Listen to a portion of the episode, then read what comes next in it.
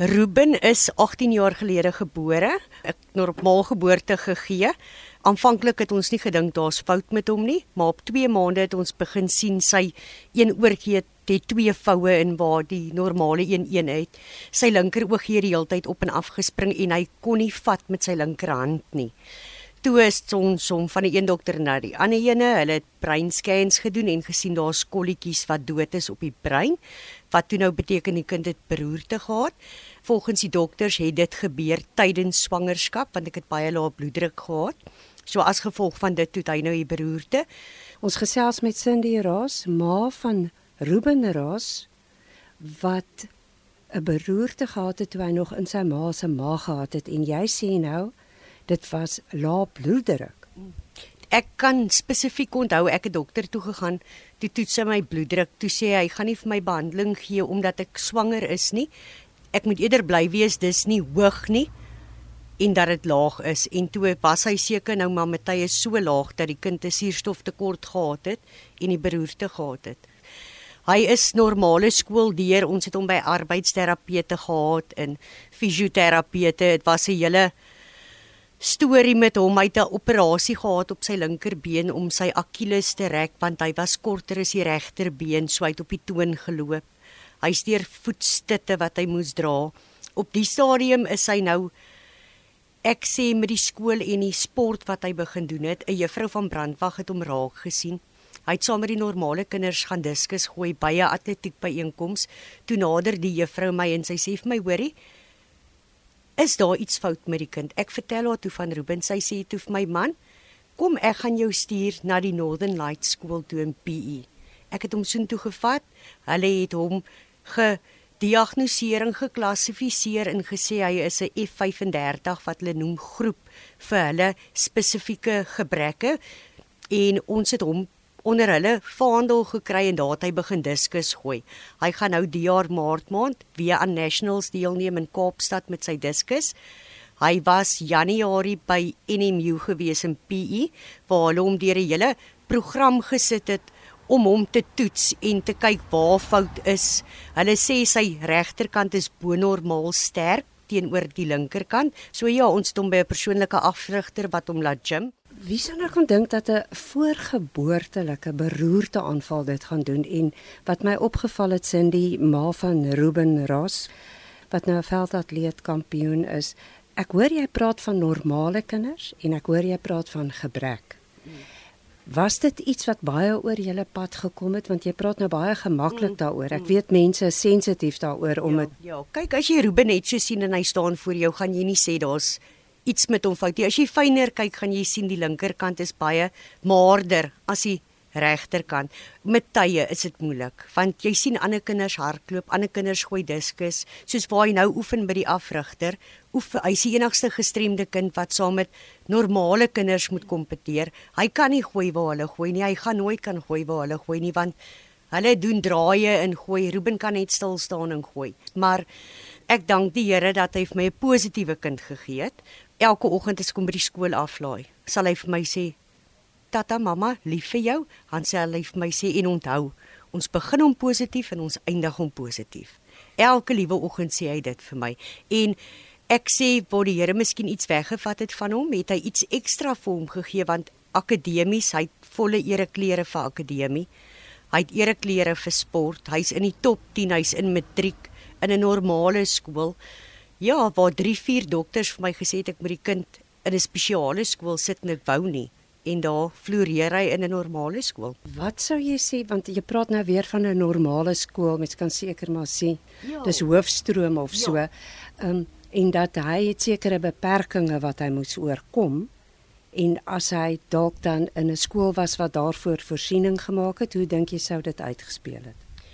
Ek dink daar sou meer bystand en goed gewees het vir hom in sê byvoorbeeld in Kypresief Maar ek weet nie as 'n mens as ouer as jou brein nie miskien vir jou sê man my kind is normaal, hy makeer niks. Partykeer wil 'n mens dit nie raak sien nie. Jy wil hê jou kind moet 'n gewone skool wees. So ja, maar ons is nou hier en ons vat nou maar net die pad vorentoe. Ja goed, hier is Ruben nou ook by ons, ons bietjie met hom praat.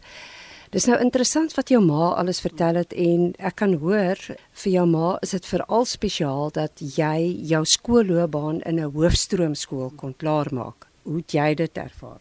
Om eerlik te wees vir my, vandat ek graad 1 in laerskool gekom het, was ek altyd bang dat ander mense kommentaar gaan lewer.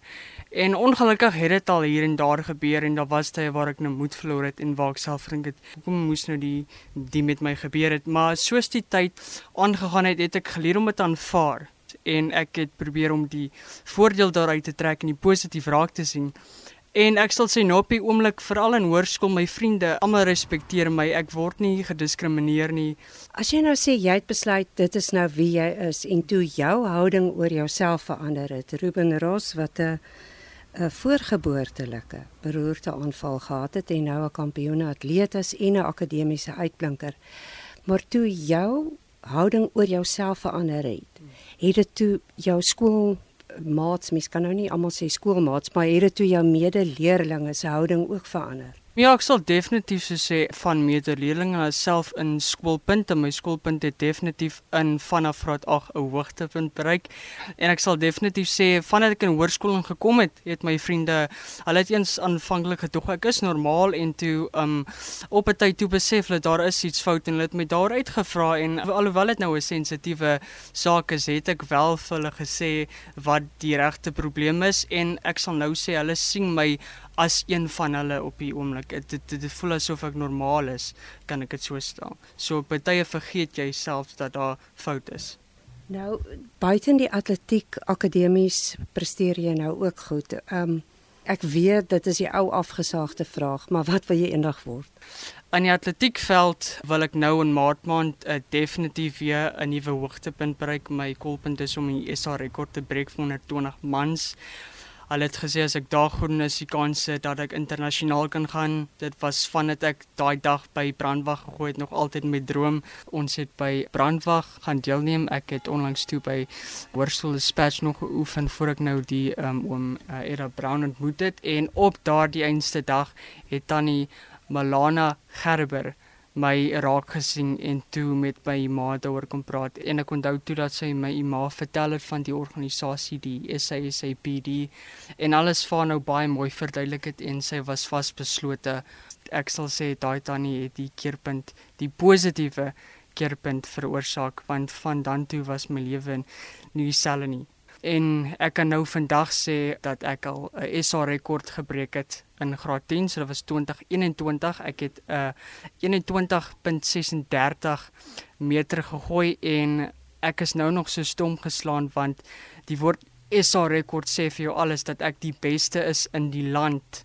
In my klas natuurlik die F35 klas maar ek wil definitief hier daar stop. Die volgende is wêreldrekord Nou, die mevrou Gerber het sy jou gesien toe jy die rekord gebreek het, die Suid-Afrikaanse rekord. Um nee, sy het my by Brandwag gesien, toe ek maar skaars 16, 15 meter behaal. So ek glo vas dat sy daai potensiaal raak gesien het om my verder te laat gaan. Ek's uh, dankbaar vir die mense by SASAPD wat my nou ingeneem het so ek gaan nou saam met hulle. Ons gooi in verskillende groepe, so jy kry nou F35, 46 byvoorbeeld verskillende groepe wat almal byeenkom vir diskus by kompetisies en dan maak dit saak wie algeheel eerste kom en jy word gesien of jy nou eerste kom in jou klas. Die afstand nou op die oomblik is 27 meter ek gooi op die oomblik op staan gooi ek om by 24 25 meter maar ek glo gaan definitief daar kan bykom en daai rekord vat. Nou hier by jou sit sit jou tannie Zuleika Scott en dit is iemand wat verskriklik breë bors oor jou gesels.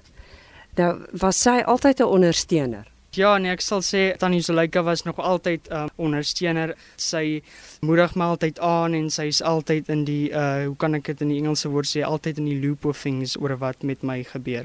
Ek moet ook net sê die dag toe hy gebore is, was hy eerste in my arms gewees en nie in sy ma se arms nie. So dit voel vir my dis my kind en weet jy, ek is verskriklik trots op hom. En hy was op laerskool gewees Hy wou altyd alles doen. Hy wou cricket speel, hy wou rugby speel en dan het hy dit net vir 2-3 dae gedoen want hy kon nie uithou nie. En weet jy, ons het aangehits en ons het aangegaan met hom, maar hy was 'n drama queen gewees. Kyk hierso, hy kon vir jou act en hy het almal altyd laat lag. En ek het altyd geweet hierdie kind gaan eendag 'n inspirasie vir mense wees. En hy het 'n sêding op sy WhatsApp: "Al is jy hoe klein, God kan jou steeds gebruik." En dit is wat Ruben is. Ruben, wat sê jy van jou tannie wat nou so aangaan oor jou? Ek sou baie lief vir want sy het nog altyd net probeer om die beste vir my te doen en die beste vir my te gee en die beste vir my wil hê. En was jy 'n drama queen? Definitief. Ek het altyd aangegaan oor alles en ek dink dit het definitief sy hoogtepunt bereik in laerskool.